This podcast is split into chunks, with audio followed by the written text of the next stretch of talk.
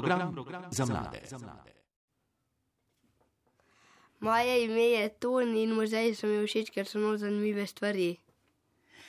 Moje ime je Magda, uh, sem pedagoginja v Gorenskem muzeju. Uh, na vprašanje, zakaj je meni muzej, všeč muzej, bi jaz lahko zdaj le govorila kar do desetih.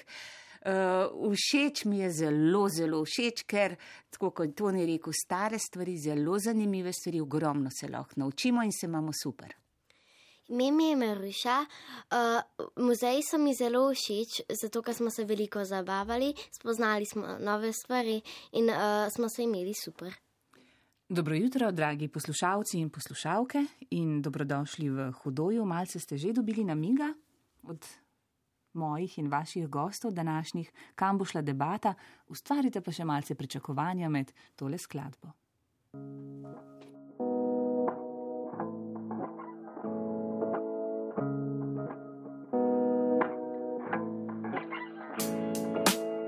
Zakaj še vedno ustrajaš, če ta punce ne spoštujete? Vidiš,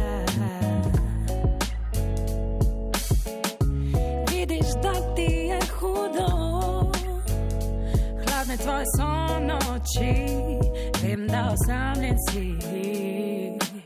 Zakaj še vedno trudiš se, če punce sploh ne opazi, da za njo bi naredil vse? Nikdar te ne pohvali, fant kot si ti. Zasluži le najboljše si.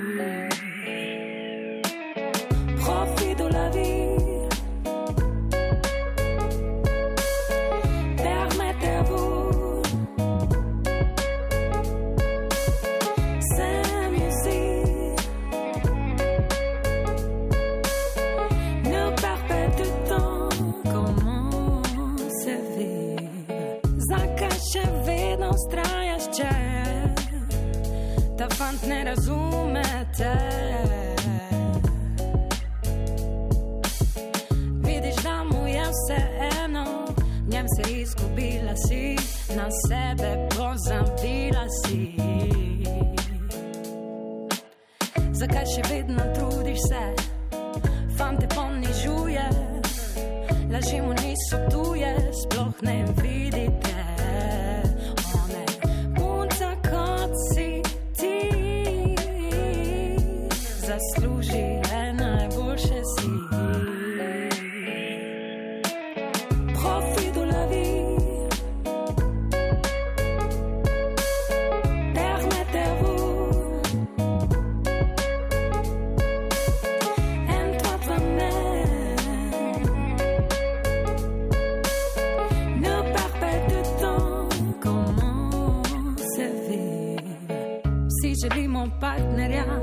Verjame v nas. Enega človeka, ki to pove na glas. Partnerja, ki razume, kot izpodleti človeka, ob katerem si lahko to, kar si. Profit de la vie.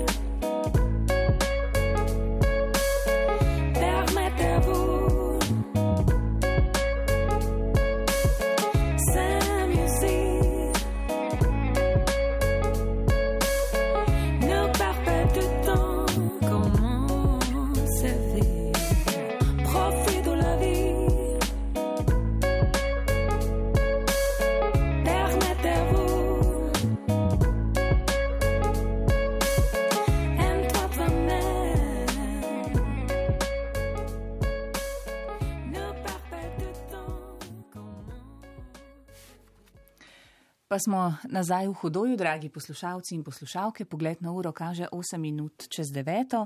Takole bom uvedla današnjo temo, čisto na kratko, ker so jo pravzaprav že gostje. Muzejske razstave niso le prostor izobraževanja in navdiha, ampak tudi prizorišča prijetnega druženja, kar smo lahko razbrali že iz odgovorov oziroma uvoda mojih nocojšnjih oziroma današnjih gostov. In to dobro vedo mladi muzealci, muzejčica in pa Gorenski muzej, ki so tokrat z nami. Z nami pa so Toni Hožič, desetletnik iz četrtega razreda osnovne šole Simona Jenka iz Kranja. Maruša Markič, 12-letnica iz 6. razreda, tudi osnovne šole Simona Jenka iz Kranja in pa Magda Zore, kustosinja pedagoginja iz Gorenskega muzeja. Dragi gostje, dobrodan in dobrodošli. Dobar dan. Dobar dan. Mi smo se že tako lepo pogovarjali, ne vem, je takšen dan, ste vi takšni po naravi, da smo že kar čebljali in čebljali in polni ste enih zanimivosti in informacij in upam, da jih boste um, lahko delili tudi z našimi poslušalci danes. E, Toni, ti si, a ste prvič, ste prvič na radiju vidva? Ja, Ja. Prvič. Uh -huh. A imate kaj treme? Male. ne tok. Ne tok, no lepo. Ti ste za vzpodbudo, ne bolj kot kaj drugega. Ja. Toni, ti si že eh, tako lepo um, otvoril to oddajo, si imel to čast, da si bil prvi um, in si rekel, da so ti muzeji všeč, ker so zanimivi. Kaj je tako zanimivega v muzejih? Uh, stari predmeti, um, če si v muzeju znanosti, zanimive stvari, um, pa, take, pa kaj podobnega. Ti, Maruša, si pa tudi govorila o zabavi, pa o prijetnem druženju. Ja, veliko smo se zabavali, tudi ustvarjali smo. Um, veliko um, je bilo zabave, bom tako rekla. Kar je zanimivo, ne, morda če začnemo s temi eh, predsotki, gospa eh, Zore, ker se mi zdi, da prva misel, ko človek pomisli na muzej, pa vendarle ni zabava in tako naprej. Ali pa smo še malce preveč v kalupih um, nekih davne preteklosti. Ja, moram reči, da se to, eh, te kalupi zdaj z mlajšo generacijo kar močno spreminjajo.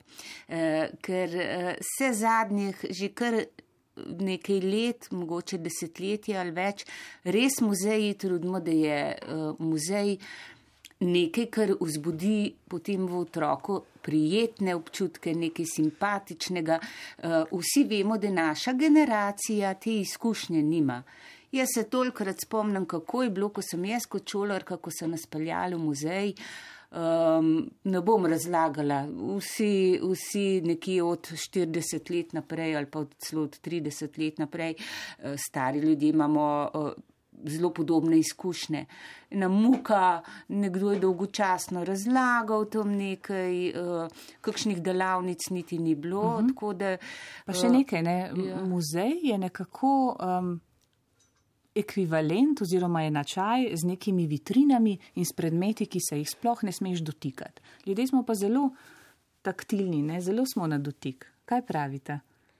Kakšna je bila, recimo, preden vidva obiskujeta delavnice, ne v Gorenskem muzeju, zato ste danes tukaj? Poznate se pa že od vrca, to ste mi prej povedala. Ja. Um, stara prijatelja ste že tako rekoč. Um, kakšen vtis oziroma kakšno mnenje ste imeli v muzejih, preden ste začeli obiskovati delavnice? Uh, najprej sem mislila, da so to dolgočasni muzeji uh, in nezanimivi, ampak potem sem se naučila, da so tudi lahko zabavni in se lahko v njih veliko naučimo. Ja, in kaj si mislili, da je tam? Uh, samo stari predmeti iz tistih časov uh -huh. in ti.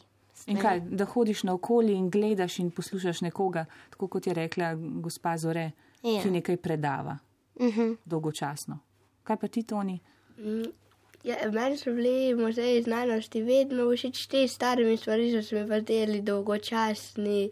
Ker sem pa sem prišel, so bili pa zelo zabavni in pa še izvedeli smo, da v tem muzeju kuna živi. Kuna. No, gospa Zore, po, povejte kaj več. Kuna, ne povej mi ti kaj več, Toni. Kakšna uh, kuna? Jaz sem mislila, In je uh, jedla nagačene podgane, uh, pa take stvari, pa veliko aktov smo videli njenih. Kak?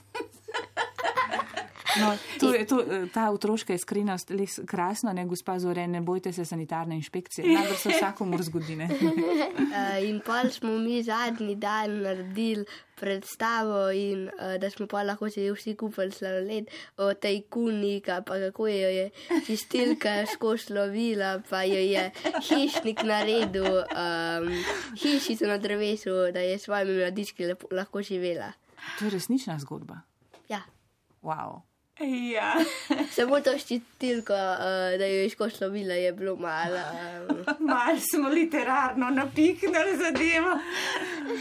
Zanimivo, mislim, po tej zgodbi pa mislim, da, da bodo ljudje kar drli k Gorenski muzej. Pa naj še kdo reče, da muzeji niso zanimivi in zabavni. Ja, a jaz lahko še v zadnje Ja. tega mal povem. Seveda, jaz sem mislila, da samo muzejčica živi v Ja, seveda, muzeju. kar muzejčica, povejte, no. ja. povejte v kuni najprej. Ampak lansko leto se nam je zgodila ena velika, tako v narekovajih, v navednicah, nesreča. Uh, naš muzej domuje v gradu. Kiselštajn. V gradu? Kiselštajn, v Kranju, ja. In um, ena kuna se je odločila, da je pravzaprav tale muzej čist krasen prostor za to, da si ustvari tam družinico in um, da ima po noč mir, po dnev pa se malo umakne pred obiskovalci. No, ampak ker posebnega stranišča za kune mi nismo imeli, je po razstavi tudi kakala. In In uh, moram reči, da je bilo veliko smeha v muzeju, veliko truda tudi nekaj časa, kako to odst- spraviti ven, ne? ker konc koncev le, ne, kuni nismo mogli dopovedati, da je to pač je muzej in da, da ne gre kam drugam. Ja, da je bolj za ljudi. ne. Ja. Ja. No, ampak prišlo je na koncu do tega, tudi, da bi bila lahko to celo naša maskota, muzejska, uh, skratka. Uh, To ni ti si še nekaj želel dodati. Ja, ker je. si dvignil roko tako Ja, po ja. šolsko. Ja. Ja. Izvoli. Uh, Hotel sem dodati, ja, da je rekla, da kuna ni imela kakšnega posebnega veste, ja, Ja. ja. so bile na podstrešju ene lukne, pa pol zid spodaj in je v te lukne kakala. Ja, ja. Ja, to smo Za- tudi ugotovili. Se bom tako A pa ste takoj vedeli, da je kuna, ste pač, no, zdaj gremo že v take detalje, ampak ja. vseeno, ne? Pa Ker je kaj- čistilka videla. A enkrat. čistilka je Jo videla? je videla. Da ni kdo s podgano zamešal, ne? ker to bi bila ja, najbrž prva ja, misel, da je, je podgana. ja, ja, ampak je bila kuna, absolutno, z mladički, z ljubkimi mladički. mladički. In za nas krasna zabava, za snažilko pa moram reči, da je Ja. ja. velika mora. Ampak, ne, mi smo, a ne Toni, pa Maruša, mi smo lansko leto imeli dva meseca, vsa, dva poletna meseca skupaj. Vsak dan po 6 do 8 ur smo imeli počitniške delavnice oziroma smo rekli počitniško varstvo eh, za otroke, približno te starosti, so bili mlajši, starejši, osnovnošolci, a ne. In uh, smo nekaj programa imeli pripravljenega vnaprej, ogromno se pa, ne smo se pa sprot zmišljali in to je to, kar ti rekel, Tone, Toni. Um, Da smo se zmislili, da bomo naredili ljudkovno predstavo. Ne, pa ti si rekel prej, le uh, zadnji dan, no, Maruša, ali pa ti povej, koliko časa smo mi to predstavo pripravljali, pa kako. In pol smo še povabili na koncu vse muzejalce in smo. Um, In so prispevek dali, tako da smo se še sladoleda najedali. Uh -huh. Skratka, no, kar povejte, pa ti, Maruša, povejte se, te spomniš, koliko časa smo mi to predstavo pripravljali? Predstava je bila pa v čem? Uh, o kuni. A ja, v Kuni, v Zdaj smo, muzeju. zdaj smo še vedno pri Kuni, a to je pa res, ona je pa res zvezda, vidim. Ja. Zvezda. Mislim, da absolutno. morda morate k muzejčici še ne vem, kakšno okuno, ne vem, Ja, dodati. sej smo rekli, da bi ja. bila lahko to celo ena maskota. Uh, v uh, to predstavo smo pripravljali uh, kar nekaj časa. Najprej smo veliko stvari, uh, ozadje, potem ljudke, um, potem smo pa še malo zaigrali, smo se naučili in potem smo še odigrali. Dajte mi nekaj povedati, kako to, da ste se vidva sploh odločila, da greste v te, na te muzejske delavnice? Um, je bila to spodbuda v šoli ali starševska samo inicijativa morda? Uh, Moja teta je šefica v tem muzeju in je mojim staršem pač rekla, da bi šli in pa smo še druge povabili, pa so hoteli z nami. Aha, da nadaljuješ družinsko tradicijo, ne?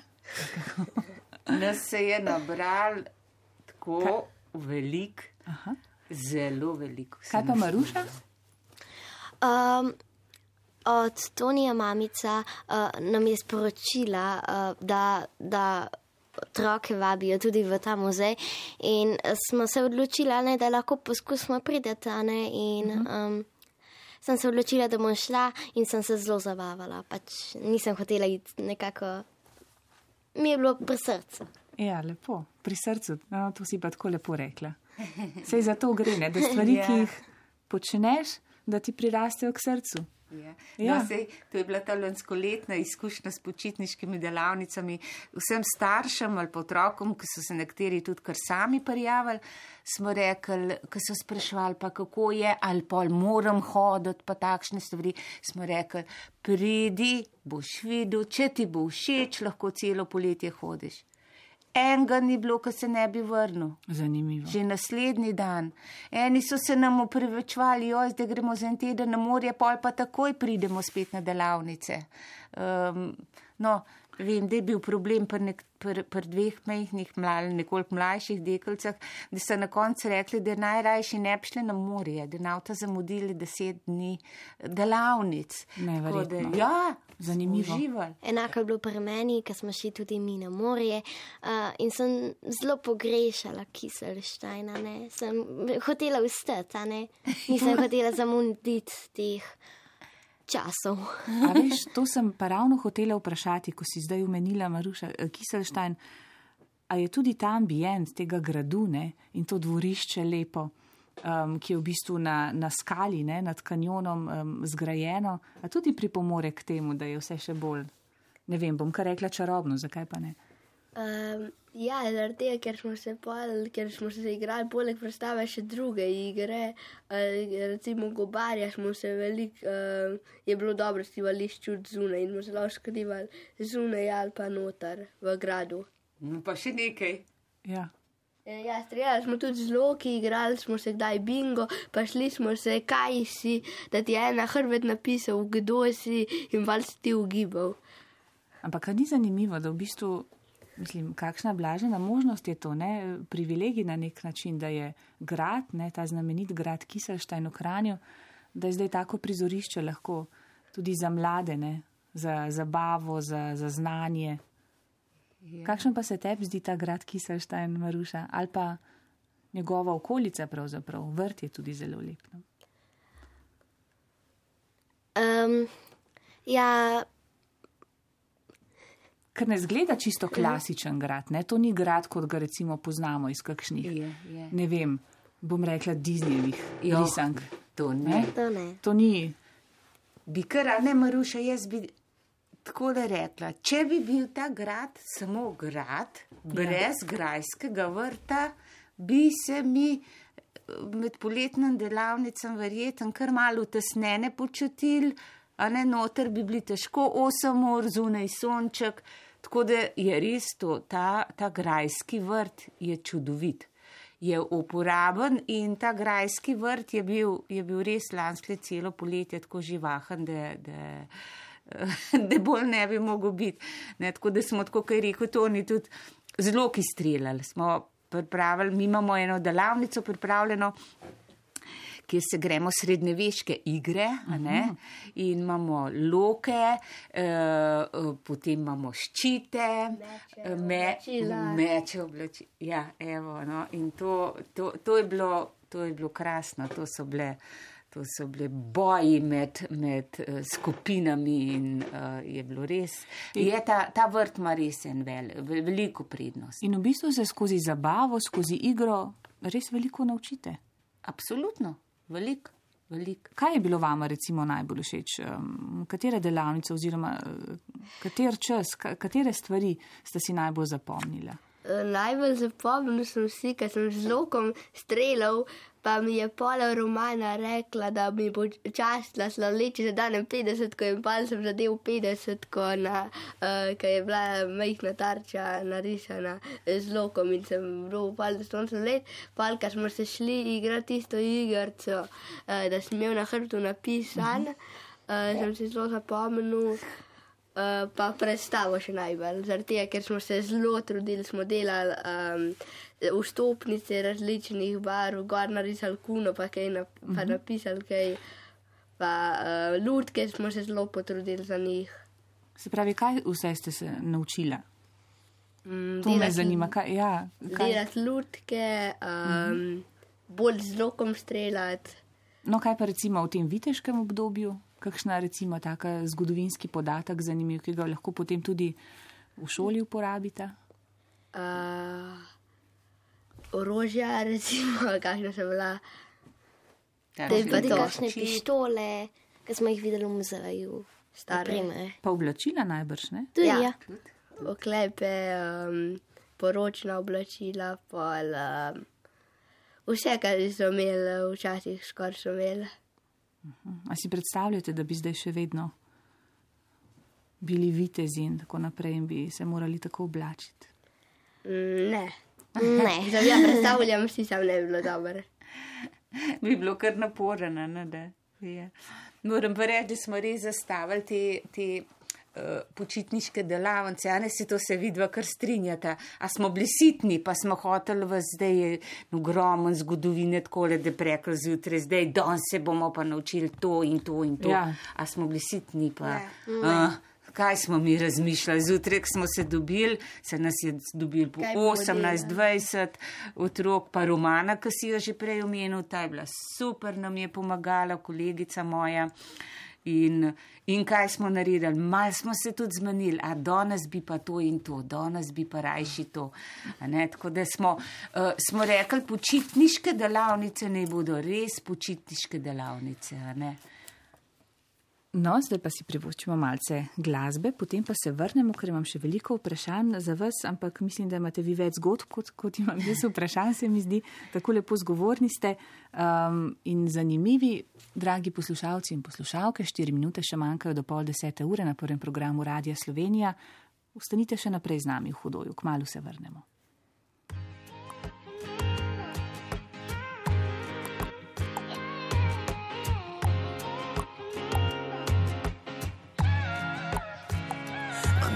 verses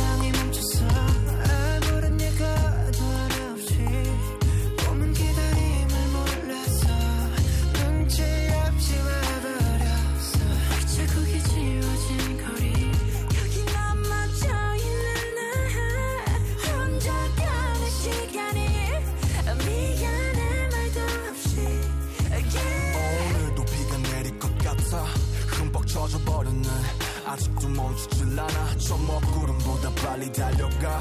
그럼 될 줄 알았는데 나 겨우 사람인가 봐. 몹시 아프네. 세상이란 놈이 지갑기. 덕분에 눌러보는 먼지 쌓인 되감기. 넘어진 채 청하는 엇박자의 춤. 겨울이 오면 내 진짜 곧 뜨거운 숨. 끝이 보이지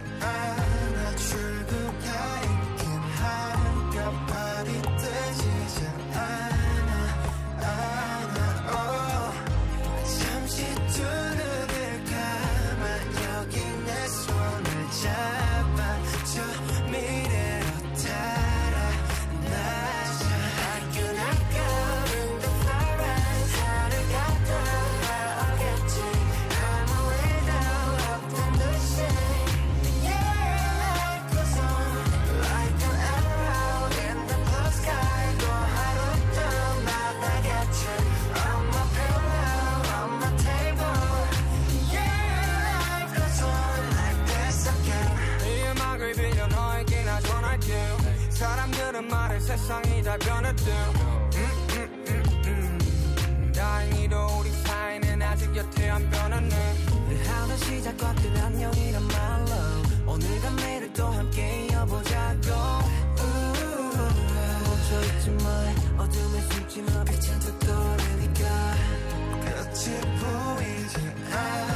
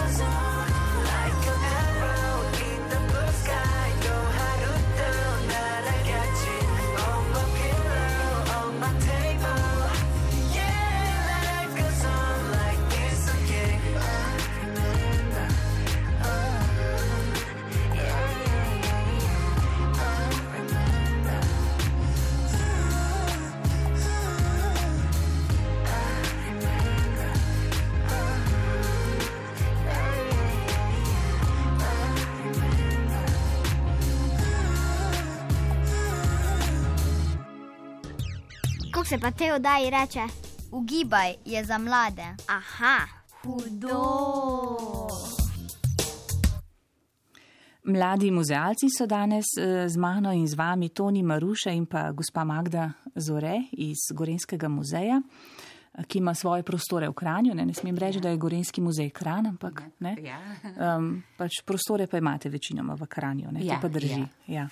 Um, in zdaj, eh, ko se je ta glasba vrtela, smo se mi pogovarjali um, v bistvu o tem, um, kako vi na teh delavnicah stremite k temu, da, um, da ne kupujete oziroma ne uporabljate teh igr ali pa igrač, ki se lahko kupijo v trgovinah, ampak v bistvu učite bolj otroke, um, kako se igrati, izumljati na novo igro. Ne? Ja, ja, to se mi zdi, da je bilo en, en krasen, eh, krasen, eh, krasna izkušnja eh, teh lanskoletnih počitniških delavnic, ki jih načrtujemo tudi za letos. Uh -huh. Ravno to, ne, otroci so vajeni, mm, da se kupi nekaj igrača, neko igralo in se potem s tistim igraš. Mi smo pa kar mal se sprot zmišljali. Ej, Kako je bilo že tisto? Mizo smo nesli ven, smo se lotej dali v krog in naredili žogce. In smo imeli turnir eh, na miznega hokeja. Na miznega hokeja. To je bila čist ideja naša. Uh, recimo takšne stvari, to se pravi s tiste malo stvarmi, ki jih ima človek, ne, da lahko uh, um, z nekaj, z nekaj uh, domišljije. Ki jo mogoče otrokom zdaj že kar mal primankuje. ne. Uh, in tukaj smo bili zelo kreativni, pa še imamo načrte za naprej. Prej smo se že pogovarjali, že takoj, ko smo se mi se nekaj časa, zdaj nismo videli, glede na to korono in vse skupaj, a ne, Maruša pa Toni, uh, smo se bili danes zelo veseli uh, in smo že takoj začeli delati načrte za naprej, kaj bomo No, počeli. vse to, to me spomni na, Ja. na eno zgodbo, ki sem jo pred kratkim brala v Cicibanu o nekem fantu in njegovem očetu, ki je bil blazno bogat in ta fant si je želel vse igrače tega sveta, vse, kar so imeli njegovi prijatelji, sošolci in tako naprej. In oče, ker je zmogel, ne, mu je vse to kupil in na koncu je bil samo z vsemi temi igračami, ampak igrati se pa ni znal. Ja. Ne? Potem pa kaže njegove prijatelje, ki so zdaj ostali brez igrač, pa so šli v gost, so našli vejo in so izdelali fračo. Ali pa so šli uh, ne vem, do odpadnega materijala in so iz škatle naredili grad in tako naprej. Tako da ja, to je Ja. lepo, kar ste rekli. Ja, Ja, znati se igrati. Ja. Um, pomembno. Tudi Kdaj- loke, a smo mi loke naredili, kaj tudi lesi, iz lesa smo loke. To imam jaz še v letosu v načrtu, da bomo Ko, uh, gospa Zore, frače naredili. te delavnice, ko ste omenili, da imate tudi letos v načrtu, za koliko stare otroke je to in kdaj naj bi se odvile? Uh, delavnice so praktično vse poletje, vse počitniški, počitniški čas. Uh, otroci je pa fino, če so stari od 4 leta in pol, 5 let naprej.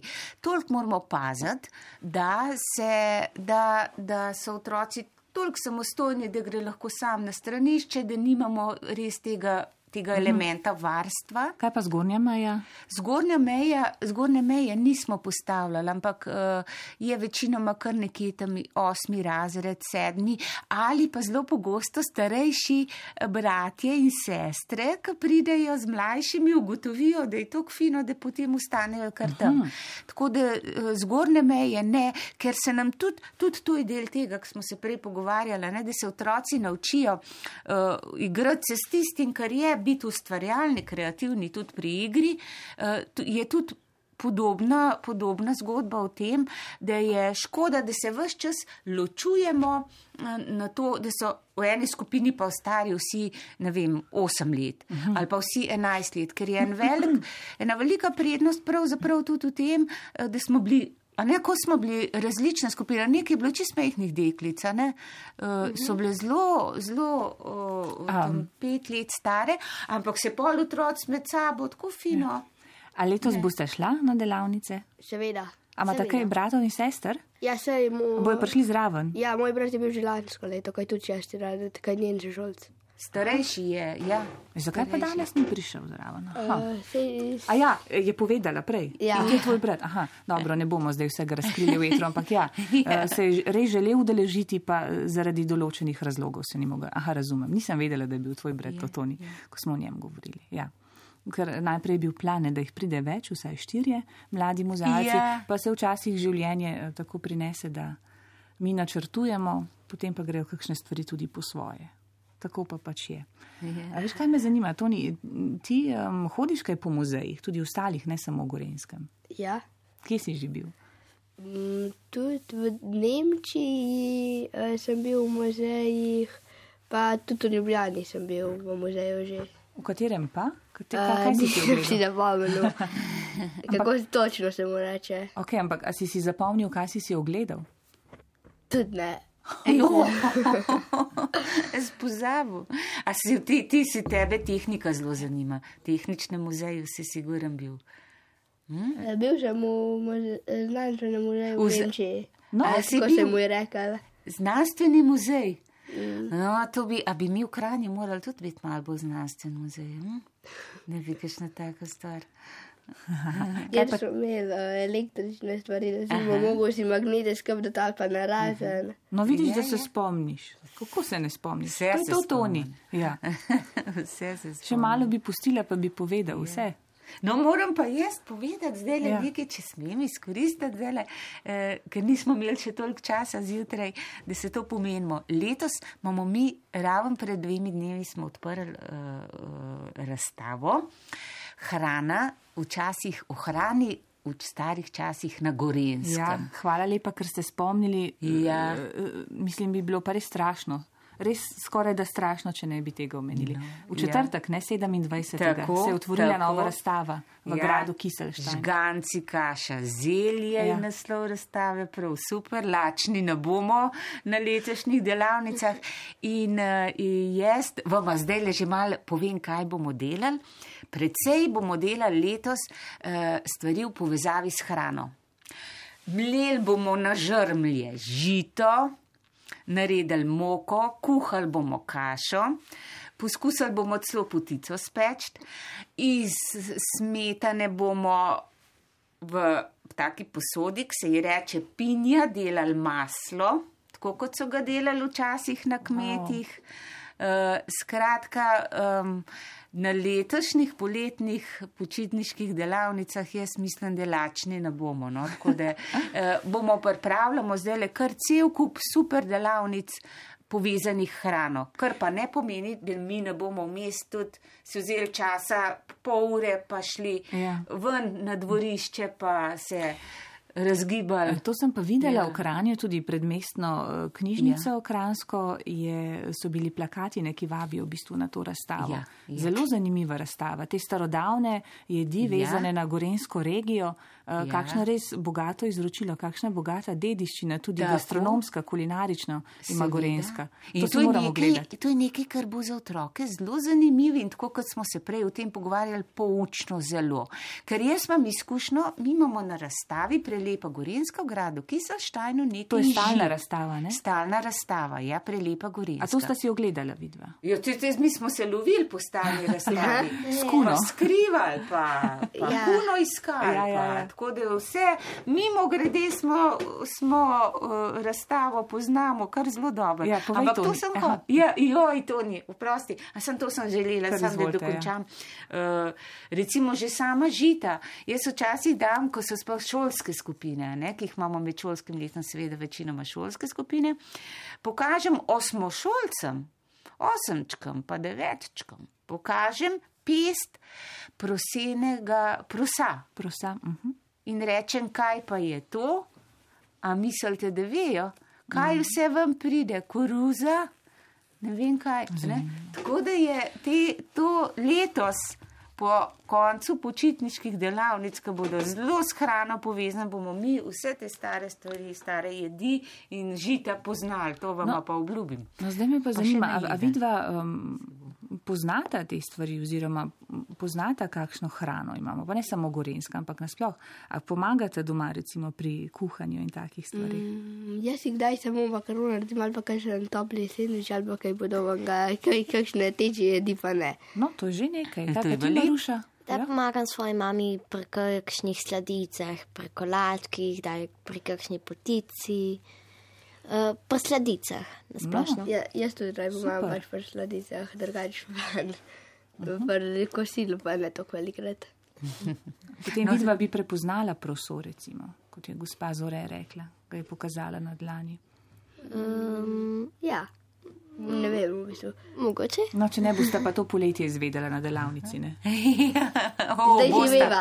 Pa še skuhala bosta in polka, prosto skuhaš, nastane kaša. Drobna rumenkasta zrnca. Ja, zelo pa okusna je prosena. kaša. Zelo, zelo zdrava. okusna. Ja. Ne, tako da imamo kar en plan letos, uh, letos uh, da bomo uh, zunaj, preden smo se pa mi dobili za tole oddajo, smo pa že, um, sta pa Toni pa Maruša že povedala eno novo idejo za uh, gledališko predstavo. Namreč zakaj smo mi lani predstavo delali, to moram vsem povedati. Imeli smo uh, ravno takrat v muzeju uh, razstavo uh, obletnice 50-letnice tedna slovenske drame, muzejska razstava o tem. 50 let, teden muzejske drame, ki poteka 50 let v Kranju in smo tudi zato se odločili, da bomo delali predstavo, gledališko. Je bilo povezano z tisto razstavo. Letos sta pa men Maruša in Toni zjutraj že povedala idejo za našo letošnjo novo počitniško predstavo, ki jo bomo Joj, kako mi je žal, pripravili. da zdaj poslušalci ne morejo videti, a ne, ko vi Ja. govorite o tem, kaj vse bo, kaj vse je bilo.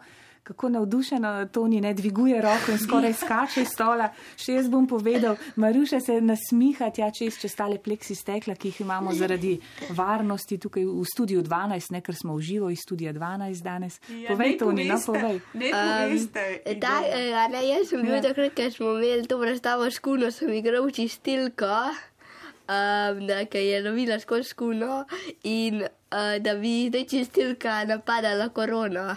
Aha, Ali pa da bi kuno pobarvala na zeleno, pa bi hodila kot zombi, ki je okužen s korono.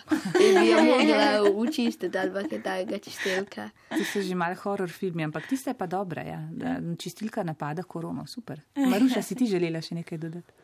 Ne, v bistvu. A ja, v bistvu. Okay. Tu smo imeli že idejo, kako bomo ljudko korono naredili, ker nas je zjezala tale korona, ker namreč celo leto se nismo mogli ja, nič ni, družiti. ja. a ne. Ampak zdaj pa poleti pa računamo, da bo vse v redu, da bomo lahko. No, ampak kaj pa je pokazala ne, zdaj v tem pomladnem času, ko so se spet odprli muzeji in vse to, kako je narasel obisk muzejev in galerij? Ne? To je prav statistika, je prišla Ja, ven, um, zgodaj ja. spomladi. Um, Kako v bistvu ljudje so bili željni Ja. um, um, v Ja. bistvu uživo videti stvari, ne? Ja, se jih seveda. dotakniti in tako Seveda, naprej. Seveda, Ampak ker- kako je s temi muzejskimi artefakti pravzaprav? Neke stvari pa še vedno so v vitrini. Um, Absolutno. kaj se sme dotakniti in česa se ne sme? Zdaj, pri nas je tako, eh, da muze, v muzeju so določeni ne, eksponatov, se načeloma ne dotikamo, ampak vse bolj postavljamo razstave tako, da je čim več predmetov, ki niso prav eksponati, ampak so prav s tem namenom tam, da se jih lahko dotaknemo, uh -huh. da jih lahko primemo. Kaj je najbolj dragocen eksponat, ki ga imate v Gorenskem muzeju?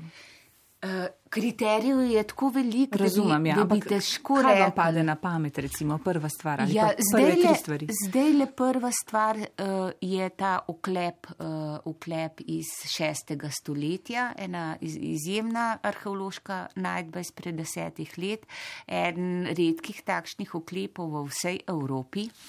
Um, To bi bil, čeprav jaz, jaz gledam mogoče malo iz druga stališča kot pedagog. Meni so dragocene tiste stvari, pri katerih vidim, da je učencem mal otrokom, ne pa zdaj le govorim učencem, ker imamo veliko šolskih skupin čez leto, uh, kjer, kjer začutiš, ne, da, da jim mečkan. Uh, uh, Utripa. Ne? Recimo tam imamo na prelepi Gorenski imamo rekonstrukcijo stare kmečke kuhinje z ogniščem. A Ne? To je krasen, tam se usedemo dol in se pogovarjamo, ognišče, kaj, kako mi pridemo, kako bi jaz prišla do ene kavice na tem le ognišču. Zanimivo. Ne? Zadnjič, prejšnji teden, oziroma Ja. ta teden, ko sem obiskala um, grad Kiselštena ne, Ja. in mi je um, vaša prijazna um, študentka, ena arheologije je tudi Ja, tam. ja. In mi je malce eh, razložila tudi v delavnicah, ki so potekale ta teden, ko so bili Ja. šolari iz predvora pri vas, Ja, ja. eh, da ste tudi statve uporabljali. Ja, ja. A sta vidva že uporabljala statve, sta delala kdaj? Ne. To imamo še letos v načrtu. Uh, Ja. uh, se že veselite. Ker imate kar nekaj jih imate, ne? eh, statev. Ja. Ja, to je pravzaprav ena delavnica, eh, ki je namenjena sicer šolskim skupinam. To ne pomeni, da se mi ne bomo tam igrali tudi uh, letos tega. Uh, je pa uh, že uh, povratek v kameno dobo. Uh -huh. Namreč v petem razredu vse veste, kako je to prav dolgočasno se učijo tisti časovni trak, Ja, pa se spomnim, kamena ja. doba, pa se je pa treba napifljati, kaj so se takrat izumili, kaj so izumili kasneje. Uh, uh, to je zna biti dolgočasno. Mi pa na tej delavnici se pravzaprav vrnemo v kameno dobo. Tako da uh, meljemo žita, tkemo na preprostih statvah. Spoznate kremenčkove. Ja, nekako, kremenčkove, ja, nekaj reči, to nisi hodil nekaj reči. A to pomeni, pa, da se bomo zabavali, da si bomo pa to bolj, ker bomo to res delali, uh, vtisnili v spomin, ne ve, da se bomo napisali. Ja, seveda. A Ne, ker če se ti nekaj poskušaš naučiti, nekaj piše, nekaj dolgočasnih stavkov, ko boš ti se oblekel v živalske kože, ko boš mogel sam sešiti, boš mu pol super predstavljal, ko boš stkal nekaj blaga, boš videl, kako je to izgledalo. Iz gline posode bomo delali in tako naprej. Skratka, tisto, kar so mlajši kameni dobi znali početi. a ne. Kaj pa uh, v Prešenovi hiši sta bila? Uh, smo šli, ja. Ste šli? Smo šli. Ja, enkrat Te-. In smo Ja. gledali pol skozi balkon ljudi dole. A res, na glavno Prešernovo ulico. Skozi A na okno drugo smo dol malo gledali, kako je preširen, kako dol do, iz, skozi okno. A ste videla, kako, kako je živel, mislim, v kateri sobi je živel? Ste bili prav tam? Njegova postelja, Ja. miza in tako naprej. Je to zanimivo videti. Ja. Še kar. ja. Ali bo zanimivo čitati njegove pesmi? A se jih učite v šoli?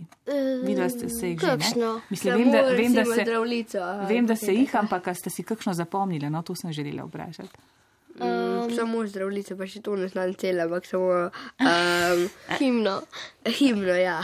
Samo sedmo hidice. Maruša, kaj si želela? Uh, tis, uh, kako se že reče, ena vem, sem, um, ena sem pa zabila. Um, Dobro, da ne bo izpadlo Ja, kot saj. predšolsko tablo. Jaz pa Ampak- nekakšna prezahtevna učiteljica. Zame ne. je pa tole dober, ker Ja. ja. bomo mi letos še mečkam bolj preširna tudi, ampak na zabaven Aha. način. A smo mi lansko leto z gosjimi peresi pisali?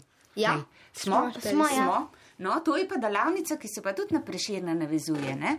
ja, Eh, ker je smo- tako. Tako, kot so pisali v 19. stoletju, z gosjimi peresi, ki jih namočiš kam, v kaj? Uh, v črnilo. črnilo in smo se naučili pisati tako, kot je pisal Prešeren z gosjem peresom. A strip ste videli v Prešernu, v njegovem življenju? ki Ga, ja, ker ga je Magda napisala. Ja. ga je mami pokazala, pa sem ga malo ja, prebral. ja, ja, moram pa In, reči, in da ta- Jože Trobac ilustriral. ne? Tako, tako. Ja.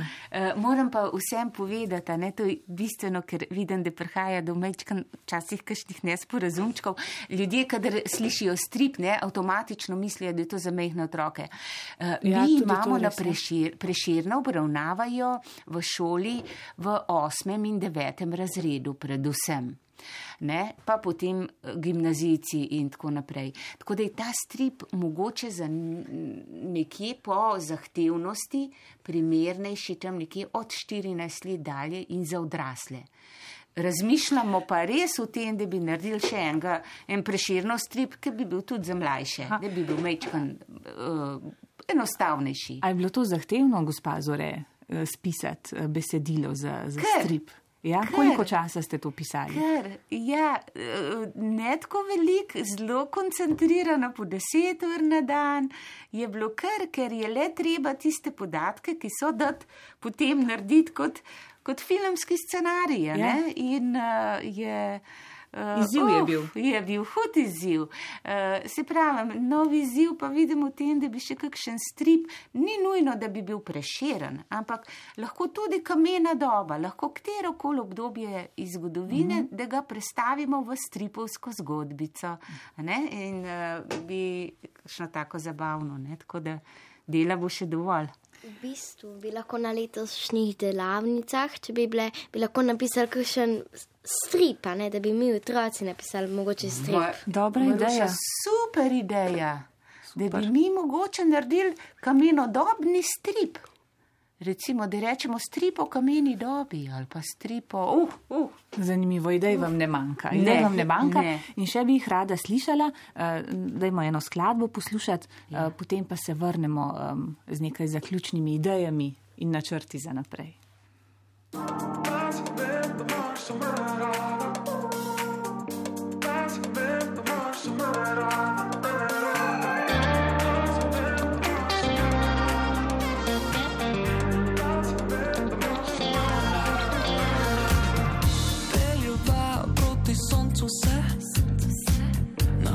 Horizontu se počasi riše nova noč Spet prevzame tisti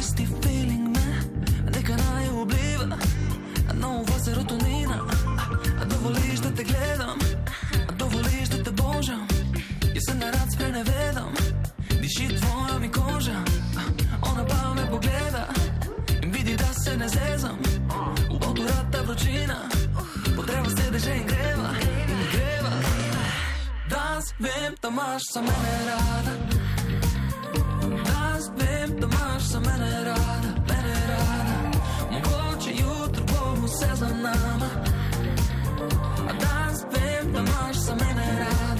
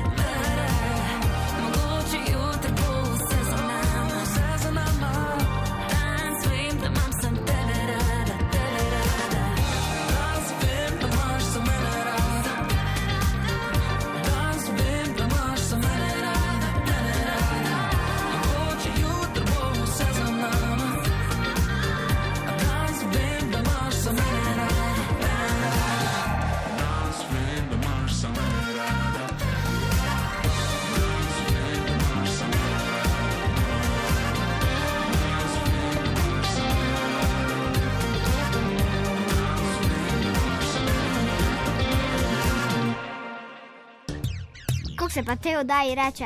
Ugibaj je za mlade. Aha, hudo. 8 minut pred eh, deseto, nazaj v Hudoju, z mano so še vedno um, mladi muzealci in pa um, kustosinja pedagoginja iz Gorenskega muzeja, Toni, Maruša in Magda so tukaj. Um, že v napovedi sem omenila muzejčico in še do zdaj nam ni uspelo povedati, kdo muzejšica je in zakaj je tam, kjer je, oziroma ali sploh je tam, kjer je. Bom najprej Tonija in Maruša vprašala, gospa Zore, ker vem, da vi poznate ne, zgodbo o muzejčici. A ste vidva že videla? Uh, svaja. Ne. A misliš? Ja, ok, ja, povej. Zdaj bom pol povedala, kaj sem mislila. Povej, Maruša, ja, sta jo?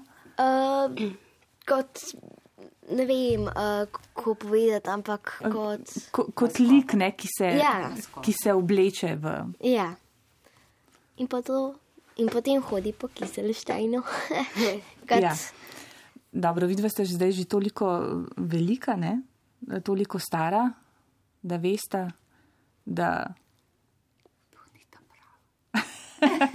Zašepetajmo. Ne, ne bomo, no, ne bomo. Um, ti si jo videl, Toni? Mm, ne Kot- spomnim se. Ne spomniš se? Mislim, ja, možno je, da sem jo videl sam. Nis, to, to mi ni tako šlo, v spomin, kot recimo druge igre ali kaj. Razumem, ja. O, Toni, Ampak, ti, si, zdaj ti sta- si še na glavo dal glavo. A se ne spomniš? Mm. No. A ja, ja, da se je spomnil. Uh, to je bila tista, kar smo se tudi v njo Ja, skrivali. seveda, naša maskota. Ja. Ja. Skratka, zdaj smo tako malce konfuzno. a Ne? Morda sem tudi jaz tako vprašala, pa rekla, skratka, muzejčica je seveda um, pedagoška maskota, no, Tako. da tako rečem, Gorenskega muzeja, um, ampak seveda se nekdo obleče vanjo, ne, prav Ja. dejansko se obleče, ne, tako ima, kaj ima tisto avbo, a ne, Avbo ima, gorensko, ja. pa Avbo To je gorenska taka oblačila. v gorenski muzejski, eh, gorenski bluza. eh, narodni noši. pa zelene lase ima. No, to je, to je, to je taka, ne, takšen presenetljiv, recimo, podatek, zanimiv. Zelene lase ima Ja, ja. pod to avbo. Sicer, kako je s to zgodbo v muzejčici pa zares, ne? ker mlajši še vedno nekako um, Verjamejo, mislijo, ja, mislijo, verjamejo, da v Gorenskem muzeju, v gradu Kiselštajn, pa res biva muzejčica. Ne? In Ja, ko nikogar ni, ona ureja vse te stvari, ki jih imate tam. Ja. Povejte, no, Ja, Gospa to je bilo, eh, ko smo se odločili, ne, kaj bo maskota, eh, eh, pedagoška maskota Gorenskega muzeja. Smo se kar zelo hitro vsi strinjali, da naj bi bila to pa muzejčica, ki ima pa eno zanimivo, zanimivo zgodbo. Namreč že pred nekaj desetletji je nekdo, ki se spozna na take duhove, čisto zares, rekel, da v gradu živi neka neka deklica, uh, kot en duh, da jo je celo videl. In smo vsi sprašvali, kakšna je pa bila, pa malo se smejali, pa nič verjeli nismo. In on čist resno, zelene lase sem videl, zelene lase je imela. In ta zgodbica se že kar, to se pravi, 20-25 let širi po muzeju. Eh, Smo rekli, nekaj časa smo jo klicali tudi ta zelena, in nekaj časa nobeden ni upal v muzejsko klet, ali pa nas je bilo nekaj takih, ki smo se bali iti v klet. Smo rekli, pet z mano, kolegici, če, če slučajno ta zelena dol. Eh, No, in to je kar ena taka hišna legenda postala. In no, se za grad se skoraj da spodobi, spodobi, da ima. da ima legendo o Seveda, duhovih. tako. Ne? In takrat smo pa rekli, potem, ko smo rekli, da pa rabimo eno maskoto, je bila pa ideja, no, to je bila pravzaprav prva moja ideja, sem rekla, pa kaj, če bi bila kar ta zelena. Pa smo pa še glede na to, da smo Gorenski muzej, mal pokombinirali še z Gorensko narodno Ja. nošo in tako je nastala ena taka ljubka, ljubka maskota eh, in moje izkušnje so zanimive, ker se mi zdi, da se zelo mehni otroci običajno teh velikih maskot, kar mal bojijo, ne, uh -huh. so lahko tudi mal strašne videti. Muzejčica ima pa tako prijazen obrazek, da, da vsi otroci za njo tečejo. Pa, pa, no, mi smo se pa polet hecali, pa smo se malo oblačali v tiste Ja. uh, uh, v maskote. Ja, reč to ni. Povej. Uh, jaz se spomnim, ko je Jarda idel na glavo, pa je rok, uh, roka ustrašil s to glavo. Ja, ja, najbolj fino je bilo pol, tako da smo pol mogli kar malo ustaviti. Vsak je hodil tisto glavo na poletnih delavnicah, muzejskih glavo od maskote. To do gore, pene, pa- ne? Iz Je pa pene je pa seveda to za velikost odraslega Ja. človeka in smo bili videti grozen fajn. Pa ne samo, v, da smo samo glavo Ja. dali na glavo, um, Ja. Čevlje. a, pa čevlje, pa tudi rokavice. Ja, to in je pa smo se tako delali, kot da smo res muzejčica. Ja. No, pa dajte meni vidva nekaj popravic, a res mi popravic povejte. A sta se vidva tega duhca, ta zelene? A sta se kaj bala? A sta se kaj bala iti dol v tisto klet? Ne. Ne, si smo pa šli, pa um, Pa pogledali tam se smo v se- mare, pa vse smo videli, nisem jaz In čisto se nista bala. Ne. Ne, m- me je pa, me, mi je bila pa zanimiva tista legenda v muzejčici, ki Ja. jo je ne, hišnik stane, ali kdo že videl. Ne, hišnik stane, in drug je bil še pred ja. njim, ja, ja, to je ta legenda. Ne? In on jo je mandar zares, zares videl. Ne? Ampak. pustimo, Eni očitno to vidijo, eni smo pa taki, da tega ne vidimo. Uh, jaz sem se nekaj časa bala iti v našo klet v gradu, ki sem A čisto zares? Čisto zares sem se bala. Uh -huh. Tako da sem šla, tako da sem vse vrata, vse luči pržgala. Pa, um, no, skratka, ampak sem jaz jaz- moram povedati, da je ta muzejčica zelo prijazna. Ja, Seveda, to je eden najbolj, ena najbolj simpatičnih maskot, kar jih poznam. No, ta No, muzejčica, res krasno. uh, simpatična, ljubka in vem, da veliko krat otroci, ko slišijo za to muzejčico, rečejo, zdaj pa grem v muzej samo zato, da bi morda pogledal oziroma videl muzejčico. No, Tako evo, da to to, to. to vam je res Ja. uspelo s to muzejčico. Zelo, zelo simpatična. Me veseli. Povej. Reč, Toni. Me je bilo pa vedno, pač, ker smo se šli tisto igro gobarja, me je bilo vedno strah iti na postrešje sam. A res se Ja. ja. te pod strešja strah, zaradi česa? Um, zaradi tega, ker je bil tam temni kot pa vse. Pač, Temni kot. Pač je Aha. vse, eh, pač Ja. strašljivo je bilo. A res se V ti bistvu tudi smo ena malo čist malo mogoče prestrašili, zato ker je bilo tudi vse tako malo črno, a ne. Ja. A res? Je pa res, da je nekaj, kar priznajte, grad Kiselštajn tak velik, Ja. to je pravi labirint. Tako da, a ste se kdaj malo zgubljali noter? Mm. Uh, včasih sem se jaz pač malo, ko smo Aha. se šli loviti ali pa malo skrivalnice, Ja, ja, kaj tacka. ja, Uh, sem mogoče malo kam, nekako bom rekla, zašla, ampak potem se čist navadiš in pa veš, kje, In bolj veš, no, na ta način smo se tudi kakšnega predmeta mi zapomnili. Ne? Skri se za tisto omaro tam v sobi, skri se za tisto in so pol mal vedeli, kje je kakšna bravo, omara, kje bravo. je kakšen, a ne. Super. Eh, Um, Ja, da, reč. Uh, jaz sem se spomnil, ne, ker smo se igrali gobarja, da je Ja. bilo tam eno okno, ker smo bili res eh, v najvišjem nastrobi pod podstrešjem. Ja. No? Um, sem se tja skril, ker je bila velika polička, tam sta bila, je bila premalo umara in sta se dva tja skrila in pa ste vi unič najdel, jaz sem bil pa zadnji, ker sem se tam skril. Ja, ampak pol vedno me je en izdal, pa da sem bil tam. Si- si bil izdan, a ne? pač ja, ampak bil- eh, zelo Ja. dober se, sem se Ja. skril, sam pa ste ga vsi vedeli. No, dragi poslušalci in poslušalke, kot slišite, a ne, um, na delavnicah Je vam ne bo zabavno. dolg čas, je zelo Ja, zabavno. je ja. zelo Zelo, zabavno. zelo zabavno. In ko smo toliko govorili o muzejčici, um, naj povem, eh, če jo želite videti, seveda obiščite Gorenski muzej, sicer Ja. pa tudi na naši spletni strani, trikrat dvojni ve, um, radio prvi pika si poševnica hudo, bo tale vdaja uh, dostopna tam okoli 12. ure in tudi tja sem um, dala fotografijo muzejčice. Aha. Mislim, da je tista fotografija, uh, ko stoji ob statvah. Aha, Tako da si jo aha. lahko pogledate, Prav, kako res zgleda ta pedagoška maskota gorenskih muzejev. Je. Um, kako bomo sklenili zdaj tole? To, da so muzeji, sodobni muzeji zabavni, Zabavni. poučni, eh, da se družiš, spoznaš nove prijatelje, um, obnavljaš oziroma neguješ stara prijateljstva. Um, to smo zdaj že slišali in več kot prepričali se mi zdi ljudi. Um, kaj pa, um, kaj je, bi rekli, da je še eh, poslanstvo, gospa Zore? Ja, eh, zdaj smo se res zelo na te počitniške oziroma te delavnice, ki jih imamo, ki jih imamo v proste, za proste obiskovalce, za, za izven, rečemo mi tako v muzeju po domače. Ja, zelo velik izven. odstotek naših obiskovalcev so pa šolske skupine. Ja. Zelo velik odstotek šolske skupine od prvega do razreda osnovne šole do uh, srednje šolcev. Uh, tukaj smo pa mečkam resnejši, ne moramo se na učni program vezati, ampak tudi tukaj se res trudimo. Da naredimo uh, zabavno, zanimivo, uh, uh, da res tisti kliše, ki ste ga vi prej omenili, um, poderemo in to nam moram reči, kar uspeva. Da, da je mnogo krat tudi šolskim skupinam tista ura na razstavi prehitro mine. Pa ne verjamejo na začetku, da jim bo hitro minilo, pa jim mine prehitro. A veste, kako je nam tole danes hitro minilo? No, evo, Ne? Ena Ja. ura se vsakomor, ki pride v dajo, najprej zdi. ogromno. Ogromno, ja. Kaj pa bomo? Ja, ja. Mislim, marsikaj bomo in smo. In smo. A ponovimo še enkrat, zakaj iti v muzeje? Vidva povejta, Maruša in Toni. Zakaj um, povabita no, mlade, so vrstnike?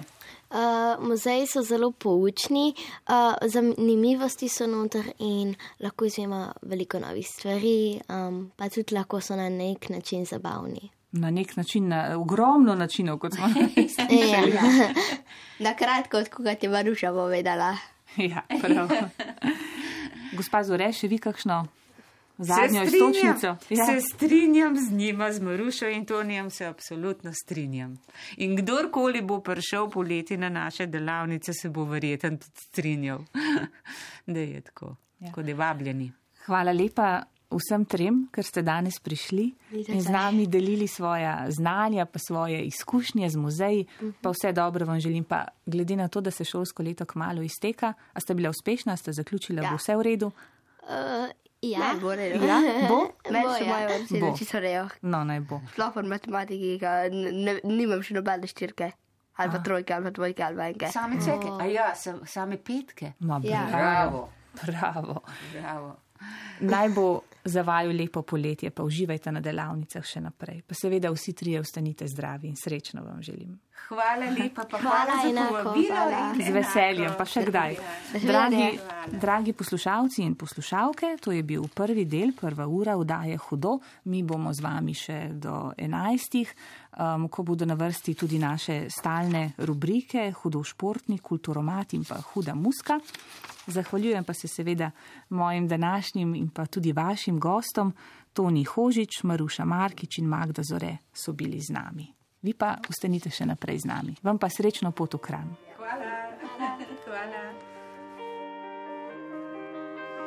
Once you left, I went to space. I don't recognize this place. Where are you? Where are you? Now I miss the smallest things. I'm not ready for this change. Where are you? Where are you? Can't help but wonder. Are you ready? Are you ready? Are you ready now? Do you forgive me? Am I something you can talk about? I heard you're moving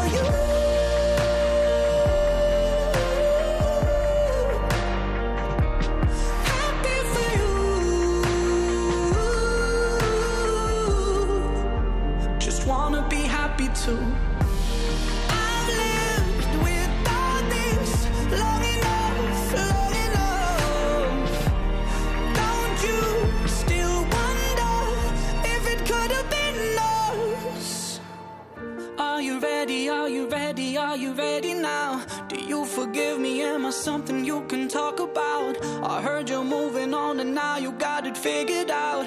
I'm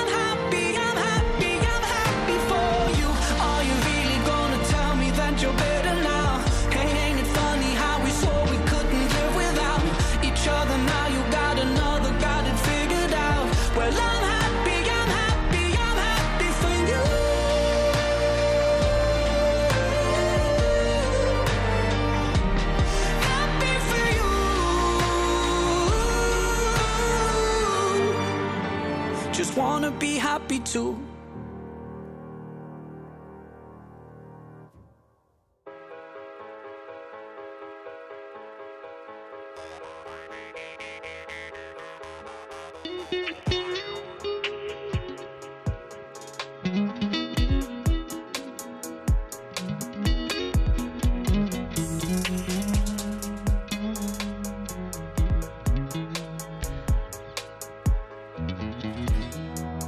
Danes prišla je pomlad, v zeleni obleki, ki imaš rad.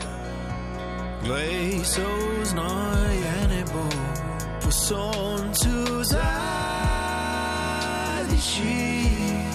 ki ga vidijo zaljubljeni. In spet krajše so noči in preprostejše stvari.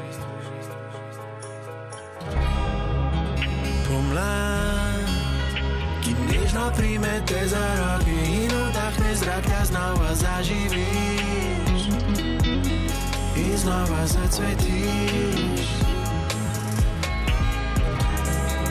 Pomlad, njen te von opaja in ti daje moč, da svet ponovno zavrtiš, ponovno se zbudiš.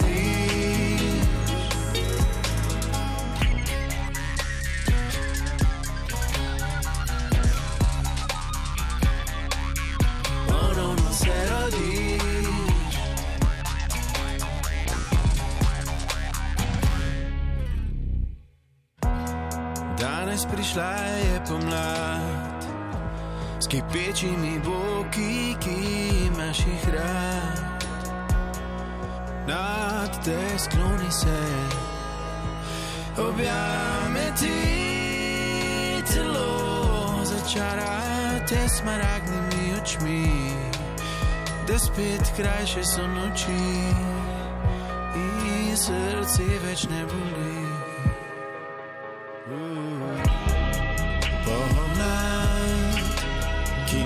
Prime te za roke in vdahne zrak, da znova zaživiš, da znova zacvetiš.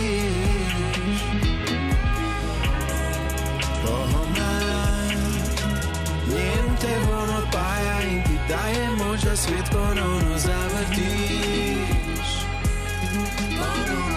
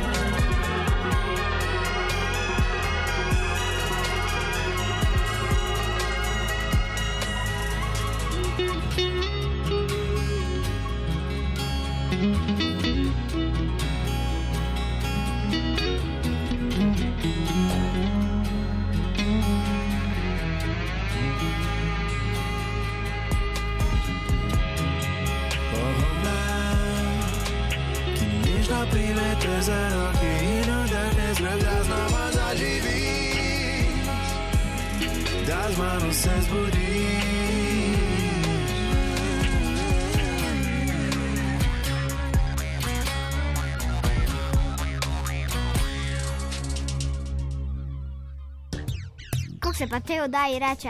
Ugibaj je za mlade. Aha, hudo. Pogled na uro kaže 13 minut čez deseto na prvem programu Radia Slovenija. Še vedno poslušate oddajo Hudo, dragi poslušalci in poslušalke. Karkoli 80 odstotkov naše države predstavlja hribovit teren, od Gričev do Sredogorja in Visokogorja, kar pomeni, da je Slovenija idealen poligon za ukvarjanje s pohodništvom.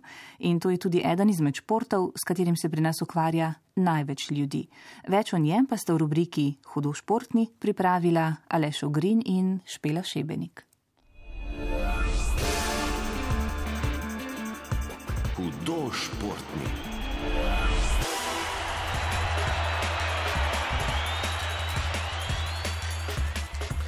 Pohodništvo je eden izmed športov, s katerimi se lahko začnemo najlažje ukvarjati. Vstopni koraki niso težki in prav tako za odhod na turo, kot v žargonu rečemo planinskemu pohodu, ne potrebujemo posebne opreme. Dovolj sta že primerna obutev in nahrbnik, v katerega zložimo stvari. Kljub temu, da imate v bližini doma zagotovo hrib, na katerega ste se brez večjih priprav že odpravili, se je določenih pravil treba držati, poudarja izredni profesor dr. Tadej Debevec z Fakultete za šport Univerze v Ljubljani. Vsekakor je prvo pravilo pohodništva, ki ga jaz mislim, da je mogoče najbolj upoštevati, je neko stopnjevanje ali pa postopnost. To pomeni, pohodništvo samo po sebi zelo prijetna dejavnost, dokler je nekje v okviru naših zmožnosti. Kljub temu, da pri pohodništvu gre za eno od eh, zelo elementarnih gibanj, kot je hoja, ne se marsikomu zdi to zelo enostavno, je zato, da bo ta dejavnost naša prijetna, je zelo fino, da smo dobro pripravljeni. In ta dobra priprava se seveda navezuje tudi na to, kakšne cilje si bomo zbrali. In mogoče zdaj po tem obdobju karantene in pandemije in vseh teh stvari, kjer smo bili mogoče tudi malo bolj omejeni, zaprti, smo se malo manj gibali zunaj, je ta vidik še toliko bolj pomemben, tako da v bistvu poskušamo nekako stopnjevati to pohodništvo in seveda prilagoditi to glede na naše sposobnosti in na naše izkušnje in znanja. Seveda smo zelo, zelo različni, nekateri zelo veliko to počnemo, nekateri manj. Je pa to vsekakor dejavnost, ki je priporočljiva in jo lahko izvaja marsikdo. Upreme za vsaj za neko tako osnovno pohodništvo ne rabimo tako zelo veliko in je tako rekoč vsakemu na voljo. Glede na vse pozitivne učinke, ki jih ta ima, je vsekakor zelo eh, lep način preživljanja časa v naravi.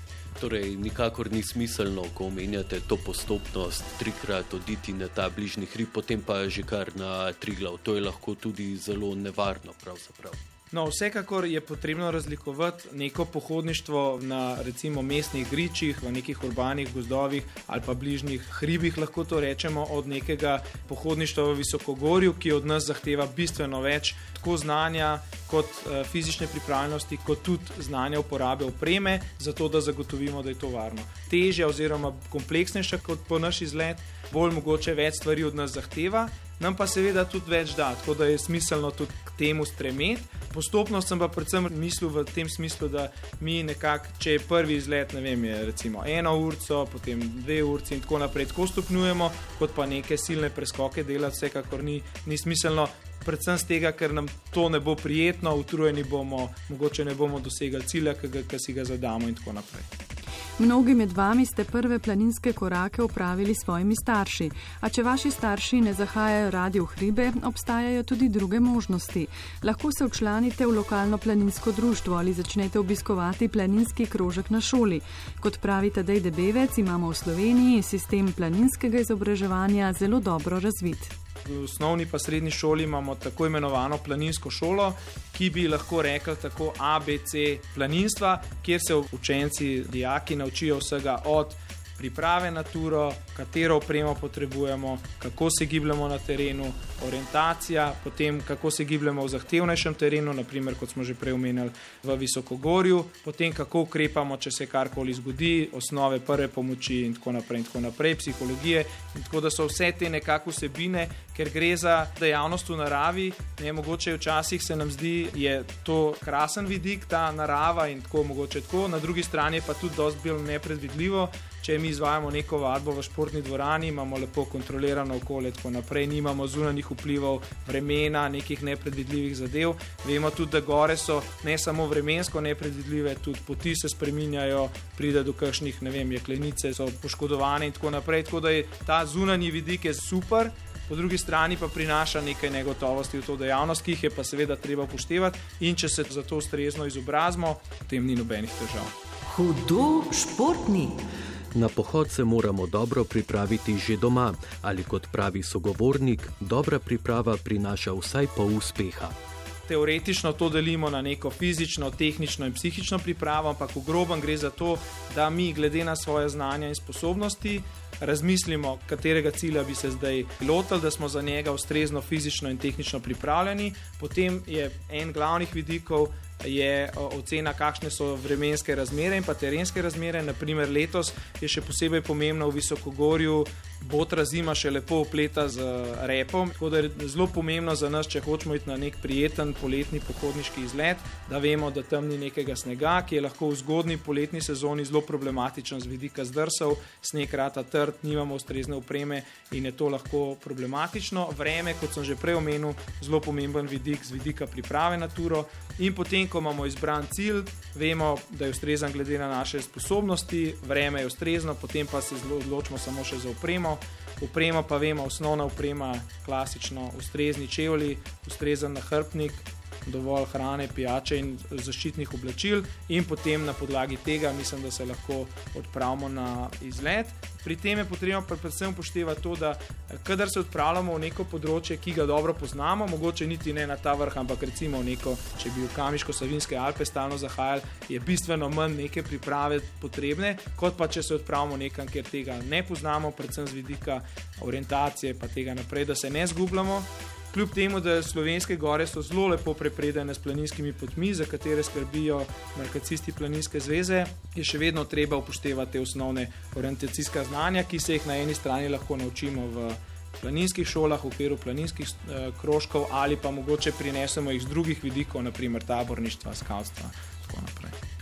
Kako in kje naj mladi ustrezno pridobijo podatke o izbranem cilju? Objave na družbenih omrežjih, ki jih je danes v različnih skupinah ogromno, so lahko zelo zavajajoče.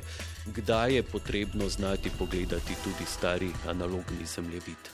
Ja, torej, vsekakor mi spodbujamo to, da osnovno znanje planinstva je klasični vidik orientacije. To pomeni, da mi približno to poznamo. Je pa res, da tudi jaz, kot pedagog na tem področju, v zadnjem času opažam povečano odvisnost vseh nas, ne, ne samo mlajših, od elektronskih pripomočkov, ki so lahko izjemno, izjemno uh, koristni in nam lahko služijo zelo dobro tudi na terenu. Problem nastane pa takrat, kadar imamo v naravi pogosto slabše vreme, ne vem, da že je, kadar je v bistvu orientacija sploh bistveno otežena. Kadar je pa vreme tako, nam pa pogosto tudi te elektronske naprave ali odpovedujejo na telefonih, baterije odpovedujejo in tako naprej. Tako da mi tudi v okviru usposabljanja študentov na fakulteti za šport vedno težimo tudi k temu, da to klasično topografsko orientacijo poznamo. Tako da pravilo je, da kadar se odpravimo vsaj v sredogorje ali pa visokogorje, imamo vedno seboj tudi neko. Um, karto in pa kompas v osnovi, ker te dva delujeta brez baterij, brez elektrike in tako naprej, in jih lahko vedno uporabimo. Zelo dobrodošel je tudi višinomer, ker vemo, da je relief v gorah profiliran in um, nam višina lahko zelo pogosto pomaga pri določanju, kje smo. Kot rečeno, pa še enkrat, v lepem vremenu, seveda, pogosto te opreme v osnovi ne potrebujemo, ampak potrebno je biti pripravljen za tiste trenutke, mogoče kar rata malo teže ali pa se znajdemo v kakšni neugodni situaciji zaradi vremena, kakšne nazgode in tako naprej. Kakšna je torej primerna oprema za vse, ki se že spogledujete z visokogorjem? Zelo priljubljen je naprimer vzpon na 2050 metrov visoki viševnik, ki se nahaja nad pokljuko. Za vzpon na viševnik, poleg nahrbnika, predvsem mislim, da je poudarek, da potrebujemo kakovostne planinske čevlje. To je naš glavni stik s podlago in zato so zelo pomembni. Veliko se vrtimo okrog tega, ali morajo biti te čevlji visoki, ali morajo biti nizki, ali kakšni. Osebno jaz se vedno bolj nagibam k mnenju, da je najbolj pomembno, da imajo kakovosten podplat, da so dovolj nekako trdni, ne, da niso preveč mehki, ker nas to utruja, ampak z dobrim podplatom, nekdo, naprimer, ki je navajen za hojo z nizkimi čevlji, mislim, da je to ustrezno. Razen, kadar gre za posameznike z ne, kroničnimi težavami, gležnjo in tako naprej, ampak to pri mladi populaciji ni problem. Tako da jaz mislim, da je tisto, kar smo navajeni, je, je dober, mora biti pa res kakovosten podplat. Pa da, smo, da, da je nekako čevelj uhojen, zelo neprijetno je, pogosto se nam dogaja in tudi eh, potem pogosto je pol ta eh, hoja naporna, če nam nastanejo neki žulji ali pa take stvari, ki so v bistvu malenkostne poškodbe, ampak naredijo pa izgled relativno neprijeten. Hudo športni. Z opremo ne smemo pretiravati in jo moramo prilagoditi izletu, na kakršnega se odpravljamo. Če je izlet tehnično težji, daljši, imamo malenkost več opreme, pogosto ljudje vzamejo preveč opreme s seboj, ne, pa potem ne, je nahrbtnik težek, nabere se in so potem utrujeni. Kar je zelo pomembno, je to, da imamo vedno ustrezna oblačila, glede na temperaturo, pričakovano vreme. Potem je zelo pomembno, da imamo s sabo neko komunikacijsko urodje, ponavadi je to nek telefon, potem orientacijski pripomočki, hrana in pijača, še posebej pijača je zelo pomembna. Zelo pomembna stvar je tudi, da imamo vedno vsaj neko osnovno prvo pomoč.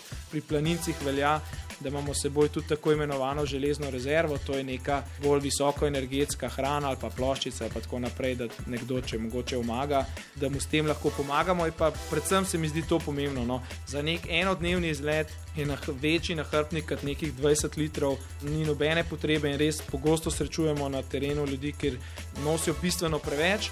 To ni smiselno, noben ekstrem mogoče ni dober, no. premalo niti preveč. Planinske poti se med seboj razlikujejo po težavnosti, zato je zelo pomembno, da veste, kako je ocenjena tista, ki vodi na vaš izbrani cilj. Od tega je odvisno tudi, koliko časa boste potrebovali do cilja, torej časovna komponenta, ki jo pri pohodništvu vsekakor morate upoštevati. V osnovi velja, da naj bi v eni uri planinec s povprečnim tempom naredil 300 višinskih metrov. Trenutno imamo klasifikacijo na tri nivoje, to pomeni lahke poti, zahtevne poti in zelo zahtevne poti. Zdaj, lahke poti so take, te najbolj klasične po Sredogorju, zahtevne poti so tiste, kjer je za napredovanje že potrebna mogoče bolj uporaba rok in tako naprej, ni pa še potrebno imeti te varovalne opreme, oziroma ni potrebna taka stvar. Pogosto na kakšnih zavarovanih poteh je že, po mojem mnenju, zelo dobro imeti čelado. Uh, tudi če jo uporabimo sam tam, zato da se zaščitimo, vemo, da je glava zelo pomembna. Na zelo zahtevnih poteh, to so pa poti, ki potekajo v nekih izpostavljenih, večinoma skalnatih terenih, kjer je za napredovanje so že pripravljene skobe, klini, jeklenice za varovanje in tako naprej. Po označenih planinskih poteh vas bodo vodile oznake. Najbolj osnovna, ki jo zagotovo vsi poznate, je Knafelčeva markacija, bela pika z rdečim kolobarjem. Pot pa kažejo tudi ostale oznake. Vse uradno trasirane planinske poti v Sloveniji so označene z knafačevimi markacijami, in tukaj je res treba pohvaliti delo markacistov, ki v večini primerov res izvrstno skrbijo za označenost poti, tako da sama orientacija res ni problematična. Zelo koristni so tudi so tako imenovane smerne table, na katerih dobimo podatke na neki točki, na kateri višini se nahajamo, koliko časa rabimo do naslednje točke ali pa recimo do nekega vrha, kdo vzdržuje pot in pa zelo pomembno, ki se nanaša na prejšnjo vprašanje, kako zahtevna je pot, po kateri se eh, podajamo. Kadar ni nobene označbe, pomeni, da je pot lahka, kadar je zraven cilja narisan trikotnik, pomeni, da je pot zahtevna, kadar je pa trikotnik s klicajem, pa pomeni, da je zelo zahtevna. In na podlagi tega tudi lahko mi ocenimo, ali imamo ustrezno opremo in znanje in izkušnje, da se naprej podamo. Naj na koncu omenimo še to, da se na planinske poti, ne glede na zahtevnost, ne odpravljajte sami. V družbi članov družine, prijateljev ali vsaj še enega planinca bo pohod ne le bolj družaben, temveč tudi bolj varen. Pomembno je tudi, da se, če ne gre vse po načrtih, obrnete nazaj in ne ustrajate za vsako ceno pri osvojitvi cilja. Nikar ne izzivajte nesreče, gora vas bo počakala. Ker ste zagotovo letos že osvojili katerega izmed nižjih hribov, nam na našem Facebookovem ali Instagramovem profilu pokažite fotografijo svojega podviga in seveda tudi v naslednjem tednu ostanite. Hudo športni.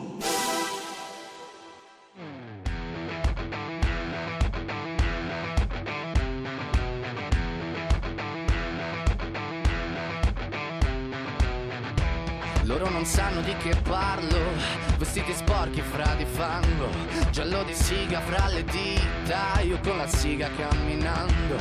Scusami ma ci credo tanto che posso fare questo salto, e anche se la strada è in salita, per questo ora mi sto allenando e buonasera signore e signori, fuori gli attori, vi conviene toccarvi i coglioni, vi conviene stare zitti e buoni, qui la gente è strana tipo spacciatori, troppe notti stavo chiuso fuori, mo li prendo a calci sti portoni, sguardo in alto tipo scalatori, quindi scusa mamma se sto sempre fuori, ma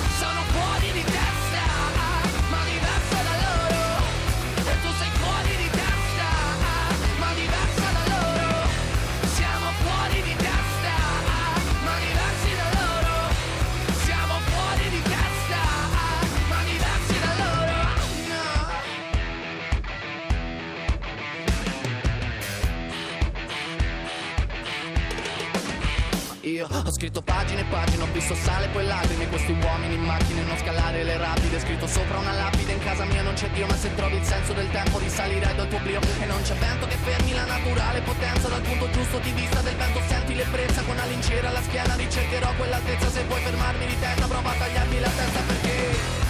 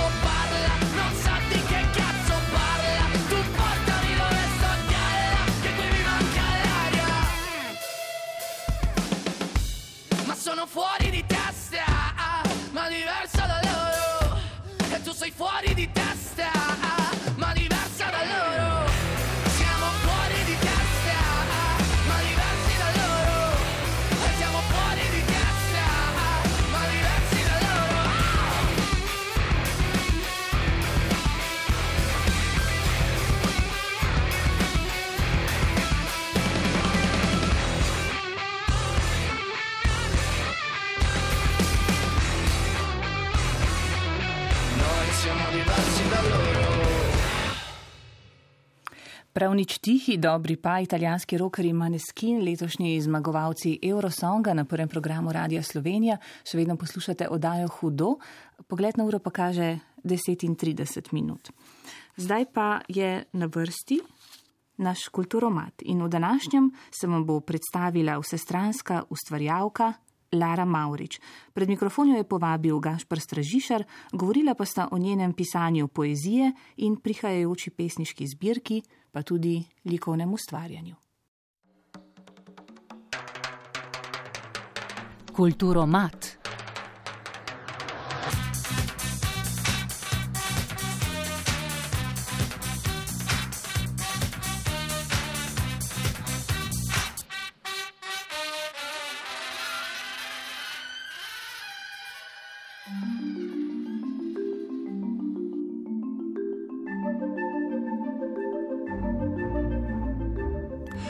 Lara Maurič je vsestranska umetniška ustvarjalka, katere življenje je prežeto z umetnostjo. Že od mladih dni jo je zanimalo likovno ustvarjanje, pozneje pa so jo v svet besed zvabile še knjige. S pisanjem poezije se je prvič srečala v osnovni šoli, resneje pa se je poeziji posvetila z vstopom v srednjo šolo. O pesnjenju pa večkrat poprime tudi za čopič.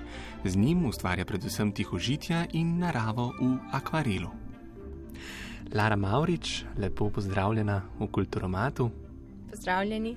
Povej, kdaj si se srečala z literaturo, s poezijo? Pravzaprav že predvsej mogoče dolgo nazaj, glede na mojo starost, tam nekje v tretjem razredu osnovne šole, uh, ker smo imeli nek natečaj in takrat sem se odločila napisati pesmico o mojem takratnem psu Reksu in potem posledično sem začela več pisati. Na začetku so bile bolj otroške pesmi, spomnim se ene policaji um, ali pa ene ohranimo naravo. Mm, Potem pa so postale vedno bolj tudi resnejše, sem se začela dotikati resnejših tem, um, zdaj pa pišem pesmi v slovenščini in tudi v angleščini. Pa si ob razvijanju tega pisanja poezije tudi brala poezijo? Ja, rada berem poezijo, nasplošno rada berem vse knjige, ampak tudi poezijo. Eh, Kakšni žanri so ti blizu? Rekla bi vse, razen nekih trilerjev in grozljivk. Eh, Pa imaš nek stil poezije, se držiš nekih verzoloških pravil, ali gre bolj za ustvarjanje v nekem prostem verzu, svobodno, kot se ti pač zazdi ob nekem trenutku? Jaz bi rekla bolj prosti vers, bolj svobodno, uh, tudi zato, ker pač rada preizkušam nove stvari in zaradi tega bi rada preizkusila tudi drugačne oblike, kot naprimer zdaj enkrat bi rada preizkusila gloso, pa cilj imam enkrat tudi mogoče sonet. In uh, koliko pesmi se je nabralo? Kdaj se je to ustvarjanje pesmi začelo resneje? Je bilo to z vstopom v srednjo šolo? Pesmi iskreno števila ne poznam. Uh, vem samo, da veliko sem jih zavrgla, ker mi niso bile všeč, ker sem zelo samo kritična. In zaradi tega jih nimam tako veliko, kot sem jih napisala. Um, ampak bolj resno, hm, mogoče tako prav, da sem si želela uh, enkrat izdati zbirko. Potem bi rekla, mogoče tam nekje 8, 9 razred. Takrat sem jih potem tudi več začela pisati, pa tudi več angliških, uh, ker mi je pisati v slovenščini in v angliščini oboje všeč. Lani pa sem celo eno v francoščini. Kako pa je ustvarjati poezijo v drugem jeziku? Ti je to težje, eh, potrebuješ več zbranosti? V angliščini mi je enako kot v slovenščini približno, zato ker, tako kot sem prej povedala, rada berem tudi angliške knjige. Sem se naučila veliko besedišča angliškega. Sicer so kakšne napake, slovnične, seveda, tudi kakšne časovne napake, ščasi, to seveda pač se pojavi. Pa se ti morda zdi, da v angleščini teže izražiš svoja čustva kot v slovenščini? Iskreno ne, rekla bi, da je mogoče približno enako, včasih mogoče celo kakšne stvari celo lažje. Kako poteka ta proces pisanja pri tebi? Kako se lotiš ustvarjanja neke pesmi? Nimam posebej procesa, iskreno. Ko mi pade na pamet nek vers, neka pesem, a, takrat tisto zapišem, potem mogoče naslednjič končam, naslednjič kaj dodam. Si že razmišljala, da bi izdala tudi pesniško zbirko? Ja, sem razmišljala in to so moje želje enkrat, um, ampak še nimam dovolj pesmi, da bi jo lahko izdala. In če bi prišlo do izida te pesniške zbirke, kakšna bi bila tematika teh pesmi? So to pesmi, ki so morda bolj ljubezenske ali bi lahko temu rekli vsakodnevne? Jaz bi rekla, da bi najverjetneje vključila malo vsega in bi tako na poglavja, ne vem, mogoče štiri, tri, nekaj takšnega, a, razdelila vse in večina se mi zdi, da bi jih bila bolj takšnih vsakodnevnih, da bi se ljudje lahko poistovetili z njimi.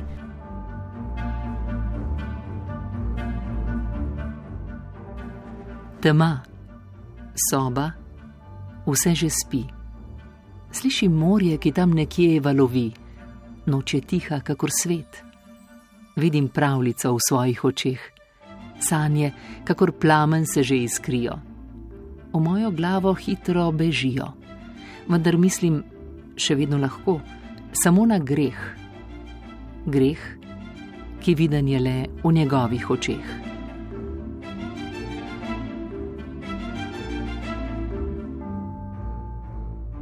Kdaj pa se odločiš, da je neka pesem dovolj dobra, da jo nekomu pokažeš? To pa takrat ponovadi, ko dobim še nekakšno potrditev od nekoga, da res ni tako zelo slaba.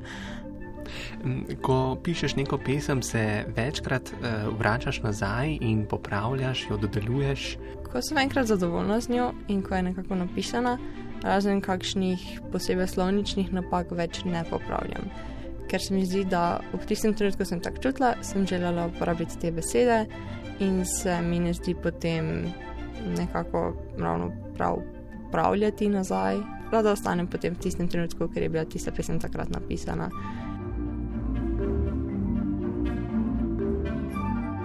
Seveda, poezija ni edino umetniško ustvarjanje, pri tebi s čim se še ukvarjaš? Um, ukvarjam se še z likovno umetnostjo, uh, drugače v šoli igram tudi v gledališki ekipi, uh, hodim tudi v ljubiteljsko glasbeno šolo za klavir. Torej, življenje je prepleteno z umetnostjo. Ja. Eh, Omenila si likovno umetnost. Um, kako pa si se srečala s tem, za kakšna dela gre? Si morda hodila na kakšen tečaj, je to posebno svobodno ustvarjanje? Ja, s tem sem se srečala pravzaprav že zelo dolgo nazaj. Od nekdaj sem rada risala. Že res zelo dolgo nazaj. Ne Vem, spomnim se zdaj ene fotografije, ko sem bila stara dve leti in sem slikana, kako rišem. Pač res od nekdaj sem rada risala, um, tako da pravzaprav že od nekdaj in s tem, ko sem pač veliko risala, sem se v tem izboljševala in še vedno imam dosti prostora za izboljšanje, tako kot pri vsem tudi pri pisanju, uh, ker verjamem to, da se nikoli ne nehamo učiti. Sem pa potem še bolj slikati začela um, tam nekje v, mislim, da šestem, sedmem razredu, tako da sem prav začela slikati, um, ker zelo rada namreč slikam, predvsem pa naravo. In kakšno tehniko uporabljaš? Um, najrazličnejšo, ponovadi večinoma z temperami, na začetku sem z, ak, z akvareli, torej vodenimi, potem eno sliko sem tudi že na platno.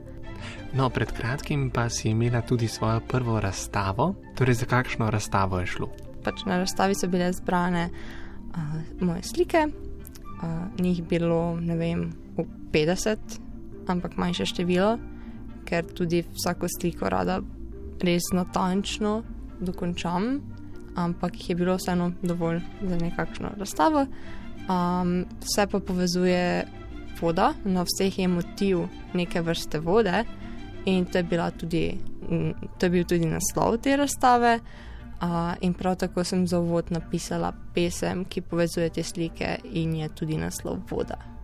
Je kakšen poseben razlog, da rišeš predvsem naravo? Si se kdaj že lotila morda kakšnega portreta? naravo, predvsem do zdaj sem nekako zaradi teh a, svetlob, senc, a, res najrazličnejših stvari. Ne vem, zelo rada slikam nebo. To mi je zelo, zelo všeč in a, predvsem nekakšne oblake, nekaj tak pisanega, to res obožujem. In zaradi tega potem posledično se mi zdi, mi je lažje nekako slikati naravo. Zdaj, tako pri poeziji, kot pri likovnem ustvarjanju, si omenila to natančnost. Uh, se ti zdi, da si morda kdaj preveč natančna, da bi lahko že prej odnehala? Mogoče, ampak zdi se mi, da sem s tem na koncu bolj zadovoljna. Sem tudi malo trmasta oseba in dokler nisem zadovoljna z nečim, bom tisto probala izboljšati. Za konec mi povej, oziroma poskušaj odgovoriti na malo teže vprašanje.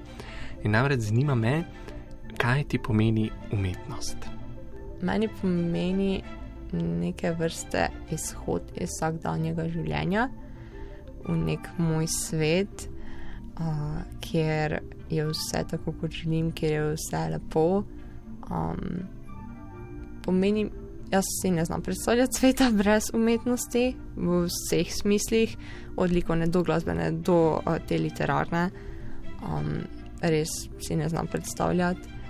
Um, ampak je nek izhod, nek varen svet, zavetje, kjer je vse mogoče, kjer se lahko vse uresniči.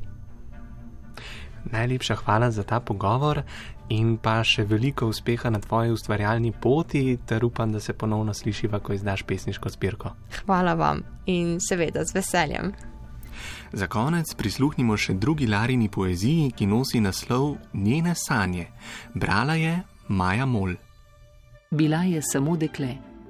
Dekle z mislimi, dekle z željami, dekle s sanjami. Sanjala je v njem z blond lasmi, zeleno rjavimi očmi, ki sijale bi samo za njo. Da že en sam pogled namenil bi ji, to je vse, kar si njeno srce želi. To je začetek zgodbe, ki v sanjah se ji pripeti. Sanjala je o večnosti. Večnosti vezi, večnosti ljubezni, ki ostala bi zavedno. Tistih trenutkov, tistih filmov, tistih dotikov in tistih noči. Vse lepo enkrat se konča, dekle zbudi se iz sanj.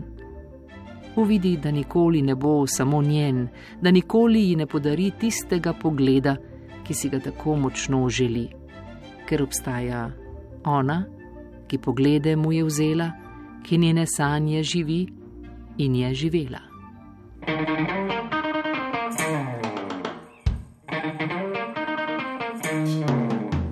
Bodi kul, cool, bodi kulturen, poslušaj kulturo mat.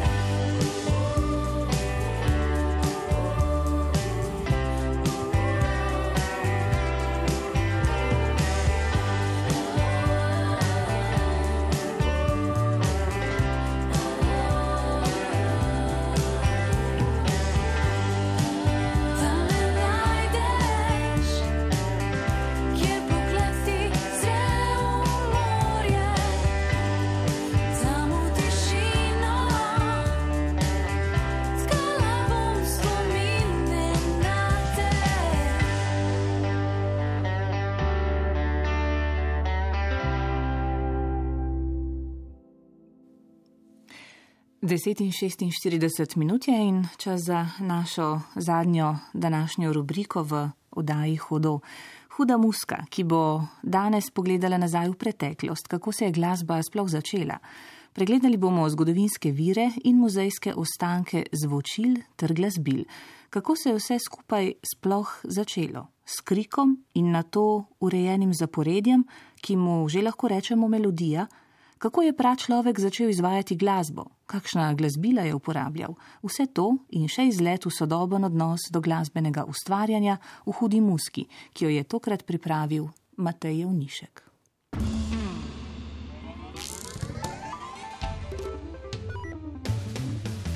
Huda muska. Danes v hudi muski o začetkih glasbe, kdaj se je prvič pojavila, kako so dojemali glasbo v preteklosti in kako jo danes ter katera glasbila so uporabljali. Vse o muzejskih začetkih urejenih zvokov do glasbe. O glasbi naravnih ljudstev lahko govorimo zgolj iz dosedanjih raziskav, ki so na podlagi zgodovinskih virov domnevale, da so uporabljali preprosta tovkala, pihala in drgala. Vsak material v okolici je lahko postal zvočilo. Izraz zvočilo zato, ker lahko marsikaj v naši okolici oddaja zvok, vendar ne moremo reči, da je to glasbilo. Glasba je naravnemu človeku pomenila magični svet obredov, ki jih je spremljala. Od ponavljajočih se ritmičnih vzorcev, krikov do besed in kasneje melodij. Glasba se je pojavila takrat, ko se je pojavil človek.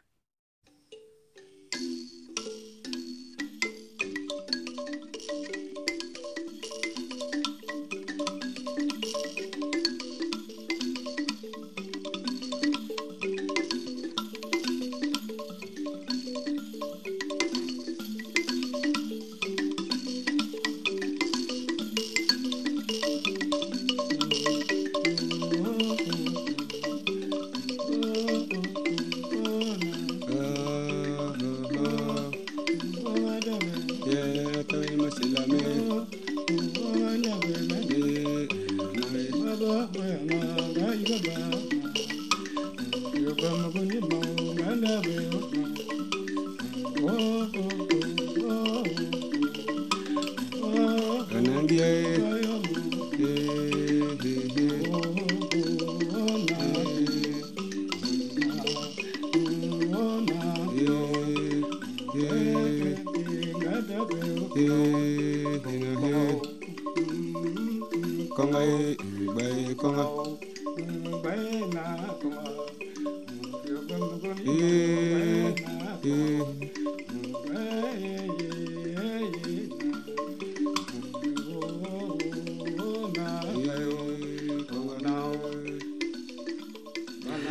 Za najstarejša zvočila velja, da so dajala morda zgolj brneč zvok. Preproste piščali iz kosti so bile sprva kot signalne naprave, šele kasneje so z vrtanjem luknjic iz pihala pridobivali več tonov. Idiofoni so raznolika skupina glasbil, ki ne oddajajo določenega tona. Po njih drgnemo ali udarjamo, torej so to razna tokala brez membrane. Pri idiofonih težko rečemo z gotovostjo, da so uporabljali les, saj se ni ohranilo nobeno tokalo. Vendar, če sklepamo iz današnje uporabe lesa, ki je zelo zvočen material, lahko predvidevamo, da ga je uporabljal tudi pračlovek. Naravna tokala so večinoma iz kamnin, kasneje tudi kovin in živalskih delov. Pa se vrnimo na brnilke. To so enostavne deščice z rezami, ki med vrtenjem ujamejo zrak in pričnejo brneti. Glavna dela tega zvočila sta lesena deščica in vrv, na katero je privezana. Med vrtenjem oddaja zvok tudi vrv, ki se zatrese. Danes so brnilke bolj kot glasbilo, predvsem otroška igrača, ki oddaja zvok. Takole.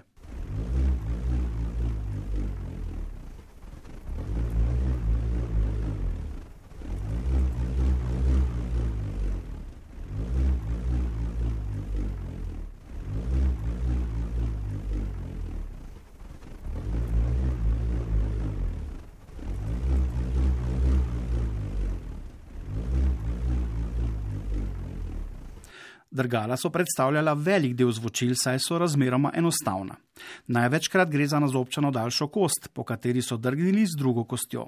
Sodobna različica takšnega drgala se danes imenuje giro, narejen pa je iz lesa ali kovine.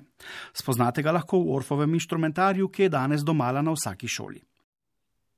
Najstarejša zvočila so lahko tudi na vrvico nanizane školke, celo zobje ali kosti, ki med hojo dajo poseben zvok, med plesom pa postane to odlično ritmično zvočilo, idiofon, ki daje ritem brez določene tonske višine.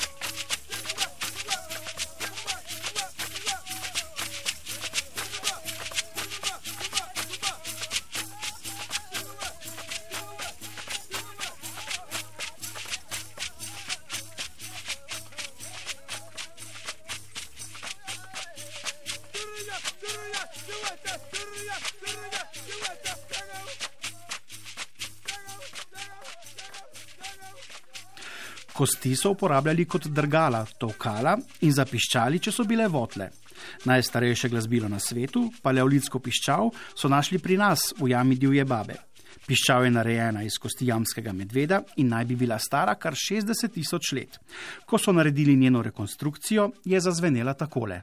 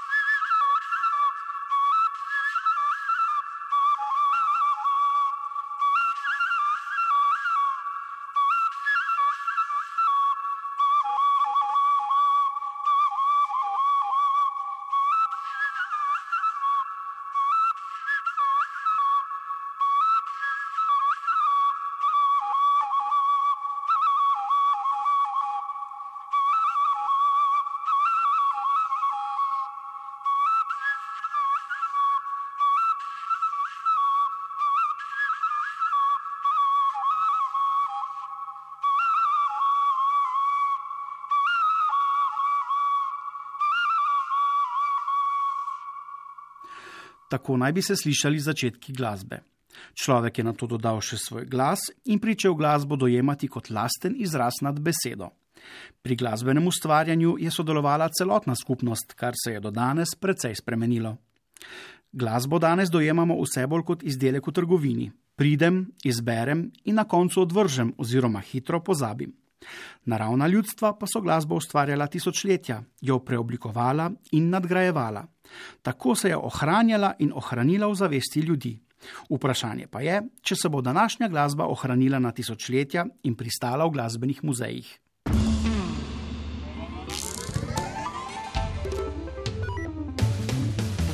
Huda muska.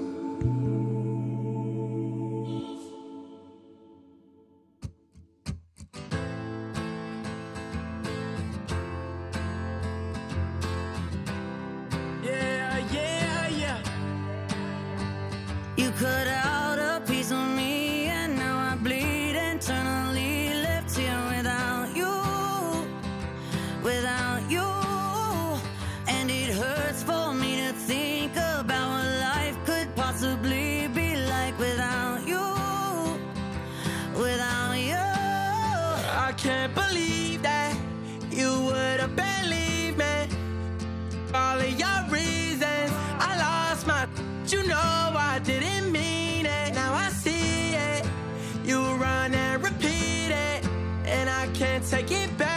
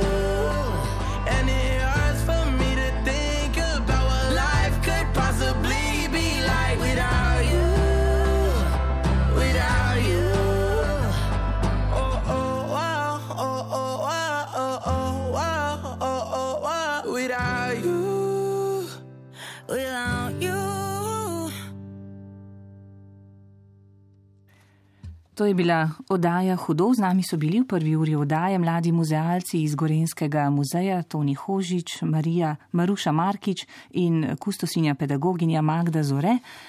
Obe dve uri pa tudi tonski mojster Damien Rostan, asistent Lenard Sušnik, glasbo je izbral Matej Vnišek, oddajo sem pripravila in vodila Lijana Buršič. Dragi poslušalci in poslušalke, Lepo, če smo se slišali, uživajte v vikendu in seveda ostanite v družbi prvega programa Radia Slovenija še naprej.